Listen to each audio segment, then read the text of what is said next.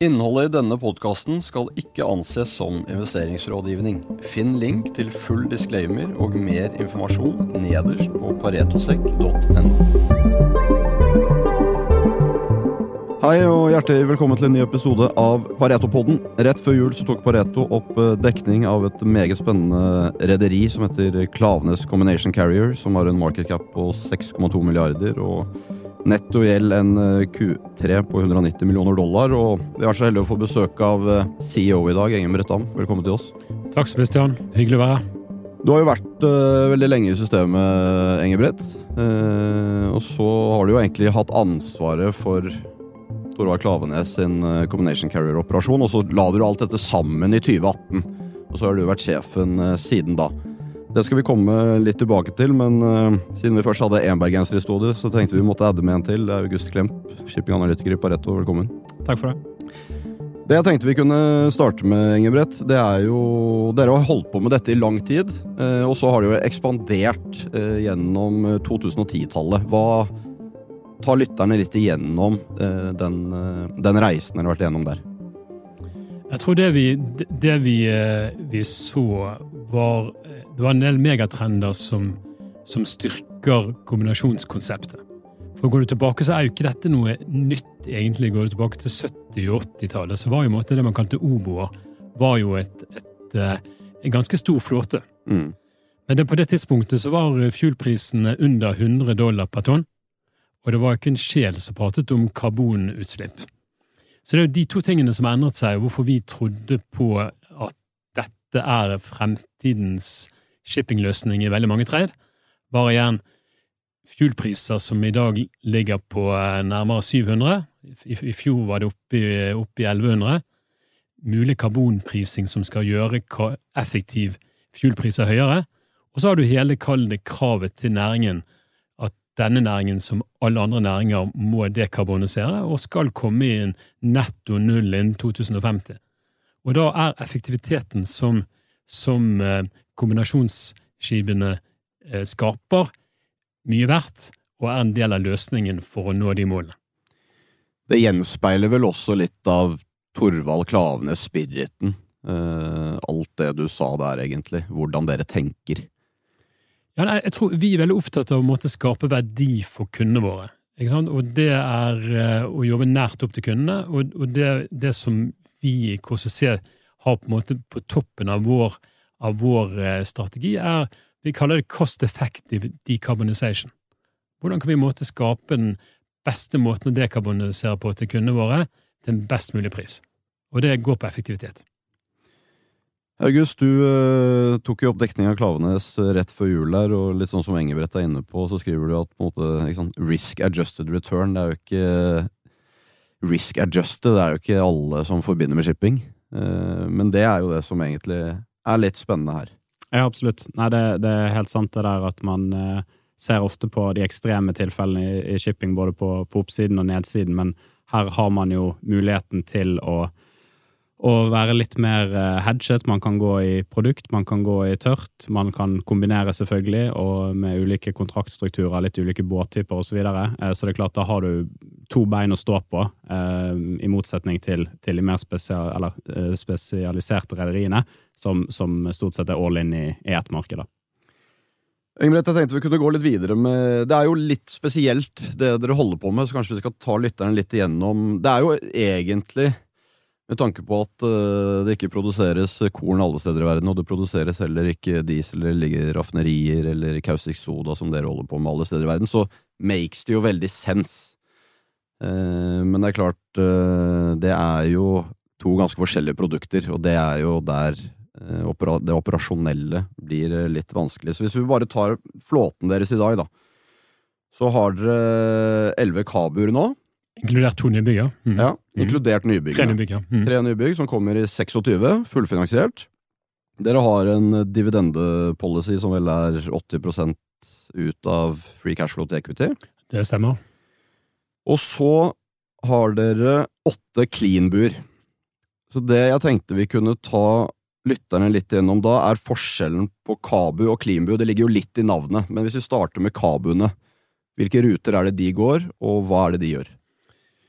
Så kabuene de er for så vidt man kan si eh, en, litt enklere kombiskip. Det betyr at de kan ikke frakte hydrokarboner. Så det de kan frakte når de går i tankmodus, er eh, kaustikk soda og to andre mindre produkter. Eh, og, eh, og, de kan frakte alle mulige tørrbulkprodukter. Så, så, disse båtene går eh, i hovedsak mellom, eh, mellom, Midtøsten og Fjernøsten inn til Australia med kaustikk soda. Til, eh, til annet aluminaindustrien i Australia. og så går de tilbake igjen med, med alumina, korn, jernmalm, kull, salt. Ja. Så det, det er det jeg måtte kalle Kabuene de har, de har, Alt er kontraktsbasert på, på Kaustik Soda sin, så hvert år forsøker vi å booke opp hele kapasiteten. Eh, og Det er en miks av lange kontrakter og mer ettårskontrakter. Cleanbuene er mer sofistikerte skip. De er, de er hva vi kaller full-fletched LR1 produkttankskip. Litt store i forhold til standard. Mer kapasitet. Eh, og, så de har mye større fleksibilitet på på å det tanklaster. De kan ta alt som en standard eller en tankbåt tar.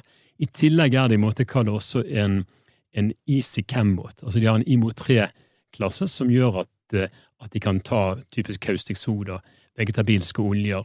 Så dermed så har du en, en, en veldig bred, kald liste av laster du kan ta, som skaper fleksibilitet og opsjonalitet på disse båtene, fordi du har så mye å velge mellom når du kommer inn i ethvert lasteområde.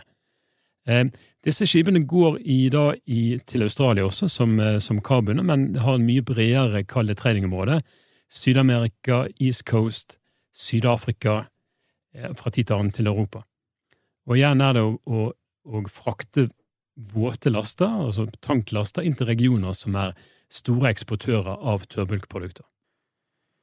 Da du eh, tok opp dekning Du dekker jo mye annet eh, shipping også, selvfølgelig, August, men eh, fra ditt ståsted, hva, hva, er det Klavenes kan tilby som ikke man får i, i andre shippingaksjer?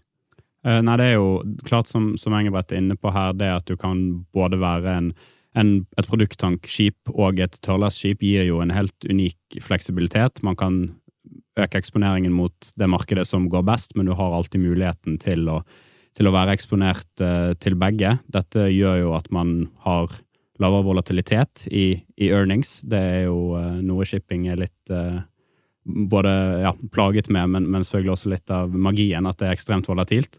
Uh, det har man mulighet til å, til å ta ned noe, i tillegg til at hvis et marked går dårlig, så er man jo ikke like eksponert der. Da kan man over tid gjerne ha høyere inntjening på båtene. Og så har man jo dette aspektet med at det er en, en ESG-vinkling inn i det hele ved lavere utslipp på en måte per enhet med, med, arbeid som man gjør. Eh, og det er jo noe som vi så et lite glimt av i 2020 eh, og rundt der hvor, hvor viktig det kunne bli. Eh, og tror jo det er noe som igjen kan bli veldig viktig på, på sikt i, i, denne bransjen. Som Sengebrett sier, så er jo det et mål om å, om å dekarbonisere i, i, shipping. Og det ser vi jo på tørrbulk, blant annet, hvor, hvor, store deler av flåten ballaster ekstremt stor andel av tiden på, på havet. som som alle selvfølgelig skjønner ikke er, ikke er effektivt, men det er nå en gang sånn, eh, sånn, verden er, og det er, det, det er, jo det, dere har prøvd å gjøre noe med. Og det jo ikke Det var ikke sånn at alle kundene hoppet på den value proposition med en gang, men nå har dere jo begynt Altså Nå er det jo en del av de store der, ikke alle. Hvordan har den for Klavenes, hvordan har den, hvordan har det, det innsalget mot kundene vært, og hvor vanskelig har det egentlig vært å overbevise kundene om at du kan frakte diesel den ene veien og korn den andre veien?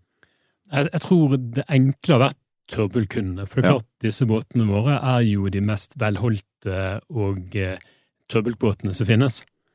Eh, så utfordringen har jo vært på å få oljeselskaper og eh, oljetradere til å forstå at dette er like, minst like bra teknisk og sikkerhetsmessig men kan gi en del andre verdier som ikke standard tank eh, gir. Eh, som du sa, når vi kontraherte de første cleanbuene, så var det ikke én kunde som var villig til å bruke oss. Og de fleste eh, skipsmeglere de lo av oss.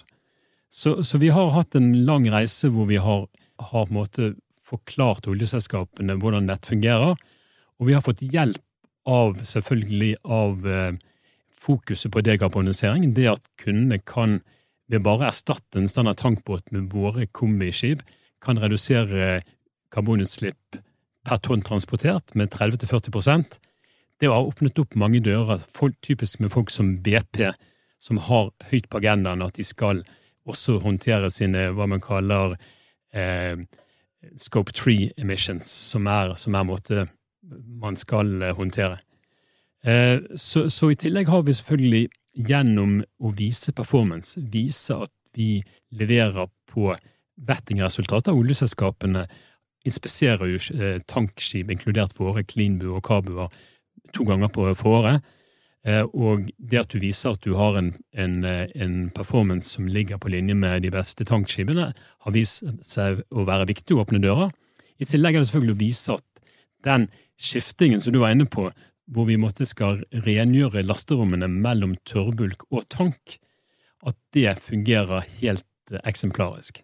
For det er klart at hvis vi ikke gjorde den jobben bra, at hvis da flybensin hadde, hadde rester av jernmalm, da hadde ikke vi hatt et langt liv med, med denne flåten. Så kvalitet, det å vise kvalitet har vært helt essensielt, og det har vi lykkes med.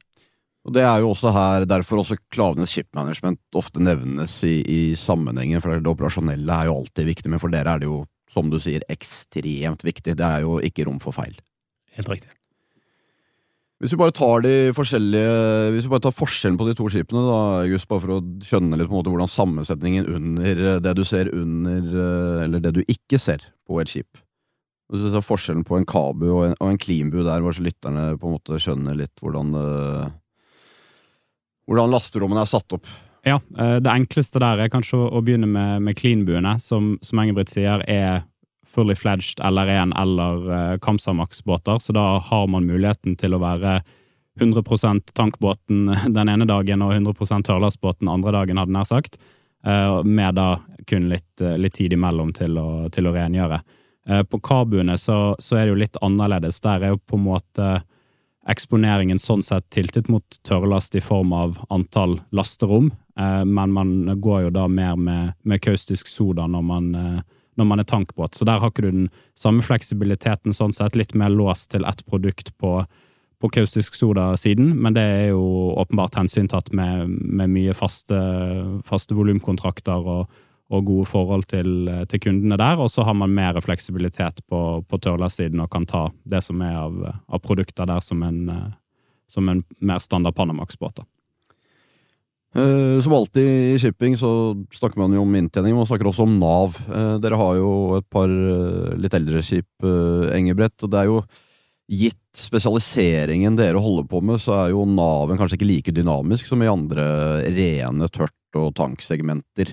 Hva, hva er tanken deres der, og, og, hvordan ser man på restverdi, og er det enkelt å selge disse skipene, eller skal man trade de ut til, til de skal skrapes? Hvordan, hvordan tenker dere på det?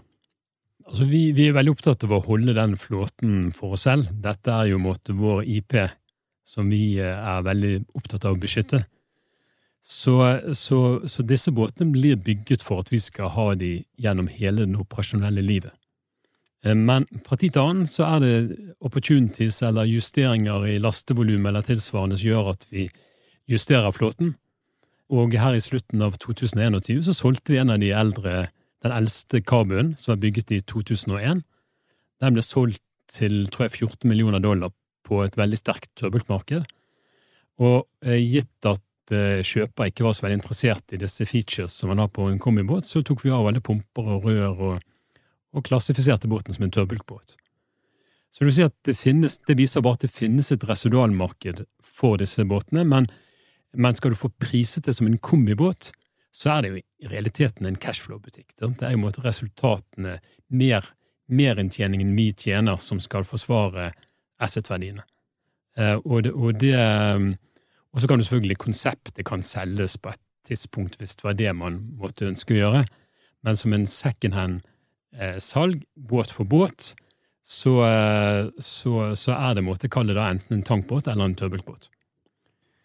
Derfor er det jo også viktig å betale ut eh, dividende til aksjonærene, som dere har en, en firm policy på. Hvis vi går litt inn på markedet nå, det skjer jo ekstremt mye på shippingfronten. Det har alle fått med seg, og det gagner jo dere også. Dere hadde jo en bra Q4-update her for lytterne som ikke helt har fått med seg den. Det burde de, for aksjene har vært ekstremt sterke i etterkant. Ta oss litt gjennom hva dere, hva dere meldte om der. Altså vi, vi, Fjerde kvartal kom jo godt over forventning, og vi hadde en inntjening på flåten i Q4 på 36 800 dollar per dag. Eh, og det var jo en, eh, en over 2000 dollar over, kall det, ytterpunktet på, eh, på rangen på, som vi guidet på når vi la frem tallene i oktober. Og det er klart at det gjør jo at kvartalet blir veldig sterkt. Det er jo godt over fem dollar mer enn snittkvartalet i 2000 og de tre første kvartalene i 2023. og så legger vi frem tallene den 16., og da får vi inn de andre elementene, så OPEX og andre ting som kan trekke den ene eller andre veien. Eh, så, så, det var et sterkt kvartal, og det er klart at det var i, i veldig hovedsak eh, et sterkere tankmarked enn vi hadde forventet når vi ga det. Så markedet kom, er jo sesongmessig sterkt i fjerde kvartal, men det kom eh, enda sterkere enn vi trodde. Og vi hadde også gode posisjoner på Cleanbu-flåten i US Gulf, som var et, et, et, marked som var veldig sterkt. Så det er jo det som er det spesielle med, med, med både tørrbruk og tank, at det, det, er veldig store regionale forskjeller i løpet av et år på hvordan markedene går. Så pleier det ofte å jevne seg litt ut. Men akkurat i slutten av 2023 så var Atlantic-markedet, og spesielt US Gulf-markedet, sterkt. Og da hadde vi skip, og fikk eh, dratt nytte av den eh, kalde, sterke markedet som var der. August, eh, i rapporten din eh, fra før jul, så, så, dro du litt igjennom historisk earnings i Klavenes. og det, er jo ekstremt volatilt både i tørt og tank og all mulig annen shipping, det vet vi jo. Hva, hva var observasjonene dine der egentlig på, på, de forskjellige segmentene?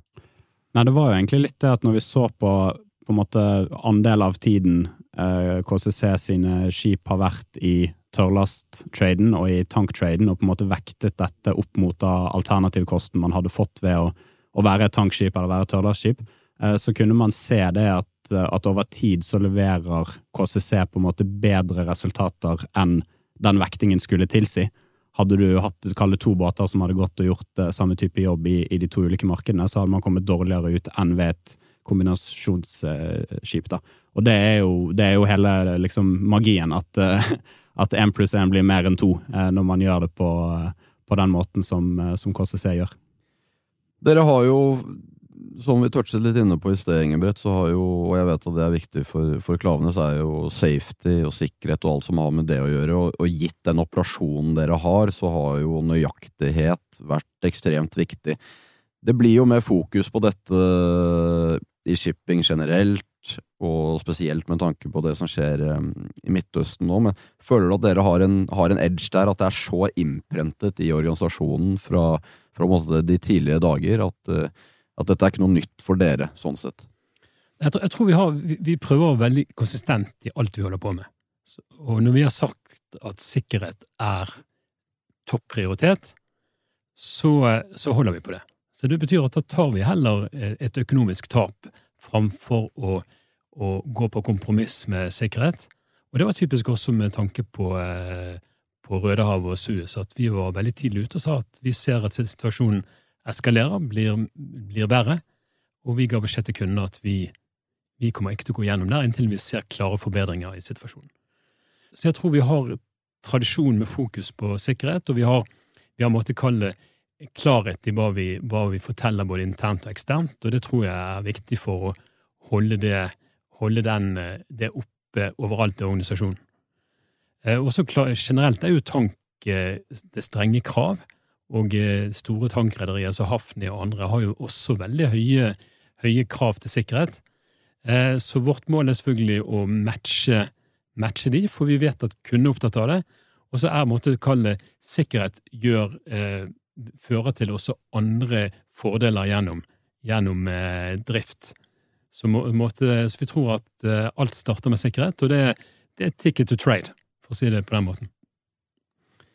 Vi kan ikke snakke om shipping uten å snakke om eh, ordrebok. Hva, hva ser man der, August? Det er jo Nei. igjen uh, ikke som alle andre segmenter, så litt enklere å holde styr på, kanskje. Ja, Oppsummeringen er at man ser ganske lite når det kommer til, eh, til nye bestillinger. Eh, det har vært litt på, litt på produkt, det har det, men, men, overall ikke all verden. I hvert fall ikke når man ser opp mot andelen av flåten som begynner å bli eh, veldig gammel. Det samme gjelder for så vidt tørrlast også. Man går nå inn i to, tre, fire år frem i tid med, med veldig lav flåtevekst over hele linjen, egentlig, av, av både tank og, og tørrlast. Så, så det er klart at det legger jo til rette for at man kan gå inn i en, eh, i en, sterk oppgangsperiode, eller fortsette det som har vært en sterk oppgangsperiode for tank, men, men kanskje at tørrlast også kan, eh, kan, komme med. Og det blir jo en litt sånn ny tilværelse på en måte for dere når man nå har hatt de tre siste årene tidvis veldig bra tørrlast, ikke så bra i tank, og så veldig bra tank, ikke så bra i tørrlast. Nå er jo det litt muligheter for at, at man kan få eh, full klaff på, på begge sylindere, da. Ja, August, det er selvfølgelig det vi drømmer om. Og det er klart at eh, i markeder hvor eh, nettopp, sånn som i 2021, hvor eh, turbultmarkedet var veldig veldig sterkt, tankmarkedet var dårlig, vi tjente jo greie penger, eh, også sammenlignet med, med tørrbulk. Eh, og nå de siste ett og et halvt året veldig sterk tank, svakt eh, tørrbulk, så tjener vi også veldig godt i forhold til tankselskapene. Men å vise en, en premiuminntjening over det markedet som er det aller sterkeste, det får vi til når begge markedene er, er sterke. Og, det, det, hvis vi får til det, så, så, våger jeg å påstå at det er ingen som skal tjene så mye penger som det vi kan greie. Så får vi se hvordan markedet blir, da.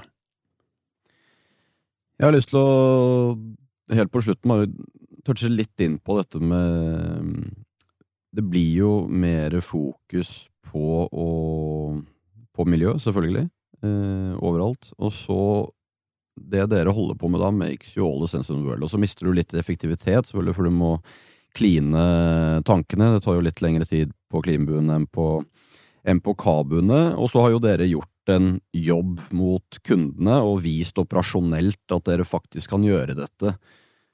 Er det når, Der ute i dag, er det fortsatt en del som er ekstremt skeptiske? Eller er den dynamikken i ferd med å endre seg nå i forhold til at også kundene må se på sitt eget fotavtrykk og en del andre ting som de kanskje ikke trengte å ha like mye forhold til for en 10-15 år siden? Jeg tror, det, jeg tror det er helt klart ganske bredt at, eh, at oljeselskaper og tradere også ser på hvordan de, de skal komme ned på utslipp. Og så er det selvfølgelig litt variabelt og hvilken grad man er villig til å betale noe for det å prioritere det. Men at det hjelper oss i den, eh, i den markedsføringen av flåten, det er klart at det, det, gjør det. Som nevnt så åpner det mange dører. Så vi, eh, vi har vel rundt 40 eh, selskaper som aksepterer skipene som hvordan de er teknisk, men også at man har siste last før lasting av oljeprodukter er tørrbulk. Og det er det Odd, ikke sant? for det er klart at en tankbåt skifter jo mellom forskjellige produkter, eh, oljeprodukter. Men vi kommer inn med noe nytt, og det er da tørrbulk, som, som et oljeselskap da ikke helt vet. Mm. Vi har hatt møter hvor folk spør oss om vi pumper jernmalm gjennom pumpesystemet, og det gjør vi ikke. Da åpner vi lukene, og vi bruker laste, altså losse- og lasteutstyret på, på, land, som alle andre tørrbulk eh, bruker. Så, så, vi ser det at eh, selskaper som, oljeselskaper som har vært kritiske til oss gjennom vår performance, som nevnt, er starta prosess.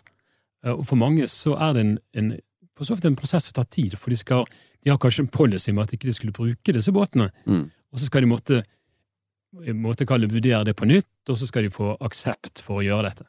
Så Derfor tar ofte, har disse, mange av disse sporene og diskusjonene tatt eh, to år, kanskje tre år for å få igjennom.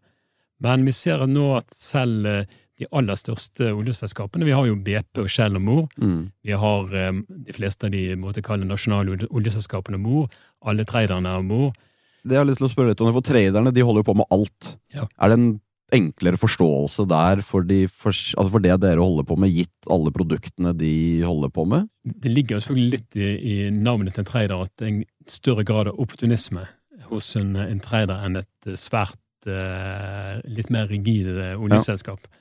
Eh, men, men, det Så jeg tror nok vi fikk, vi fikk eh, stor støtte i begynnelsen, fra når vi først har kommet i gang, fra, fra et par tradere, Så det, de var nok de første som, som, så muligheten. Og da var det jo først og fremst fraktbesparelsen som jeg tror jeg telte mest akkurat der. Og så ser også traderne viktigheten av dekarbonisering, men jeg tror nok det har nok vært en viktigere element for typisk selskaper som BP og Shell. Så eh, ja, får se hvordan dette går videre, men eh, det ser veldig bra an. Så vi har de, de få av de store oil majors som er igjen, det har vi håp om at vi skal kunne greie å få på plass i løpet av dette året eller til neste år. Nå har dere vært på børs eh, siden Q4-21. Klavenes er fortsatt største eier. De har vel 53,8, og så er det jo EGD i, i, Bergen som også er en stor eier. Når du er rundt og, og møter investorer og finansmarkedet, hva, hvor mye tid bruker du på å forklare hva Klavenes er, og hvor mye tid bruker du på å snakke om hva, hva markedet er? Jeg må si at, at det er relativt lite kalde spørsmål rundt kall det aksjonærsitsen. Det er klart at eh, det som du sier, eh, den høye eierandelen som Klavenes har, det, det, har, det, vil jo slå noe ut på kall det fri flyt på aksjen. Men, men, jeg tror folk ser det som en fordel også at du har en industriell eier som har et veldig godt renommé i, eh, både i Norge, men internasjonalt også for kvalitet og innovasjon. Og basert på det jeg har vært inne på her, og det dere driver med, så er jo det altså enda viktigere for dere å ha en stor industriell eier enn det er et par, for et par andre rederier. Absolutt, og så er det jo også selvfølgelig vi, vi får skalafordeler og kunne dra nytte av fellesfunksjoner som, som da vi som eh, tross alt et relativt lite eh, selskap med antall hoder ikke, ikke har. Eh, og, eh, så, og jeg tror også at Klavenes er et selskap som har over tid jobbet med partner på egenkapitalsiden, opererer poler for andre skipsredere som er vant til det liksom transparens og eh, en, en, veldig høy kvalitet på hvordan man håndterer sine partnere. Og det måte, tror jeg vi tar med oss som et børsnotert selskap, at vi, vi, er, vi, gjør hva vi sier, og, og, vi, og, vi, er veldig transparent på alt vi gjør. Og det, det, det tror jeg faktisk er en ganske stor fordel når man er på børs. Veldig bra. Jeg tenker vi eh, lar det være med det. Eh, Engebrett, eh, tusen hjertelig takk for at du kom i studio. Det er eh, et ekstremt spennende selskap. Jeg anbefaler jo alle lytterne våre å gå inn på Klavenes eh, Combination Carrier sine nettsider, eller Torvald Klavenes, og lese mer om historien og, og, og det dere har fått til. Ellers så finner du jo selvfølgelig alle August sine analyser og Paretos shipping-analyser på online.paretosek.com. Vi gleder oss til å følge dere i år også, Engebrett. Det ser ekstremt spennende ut. Tusen takk for at du kom hit, og ha en riktig god helg. Takk, Sebastian. Takk, August. Vi minner om at denne podkasten ikke inneholder investerings- eller annen type rådgivning. Handel i verdipapirer medfører til enhver tid risiko, og historisk avkastning er ingen garanti for fremtidig avkastning. Pareto Securities er verken rettslig eller økonomisk ansvarlig for direkte eller indirekte tap, eller andre kostnader som måtte påløpe ved bruk av informasjon omtalt i denne podkasten. Finn link til full disclaimer og mer informasjon nederst på paretosek.no.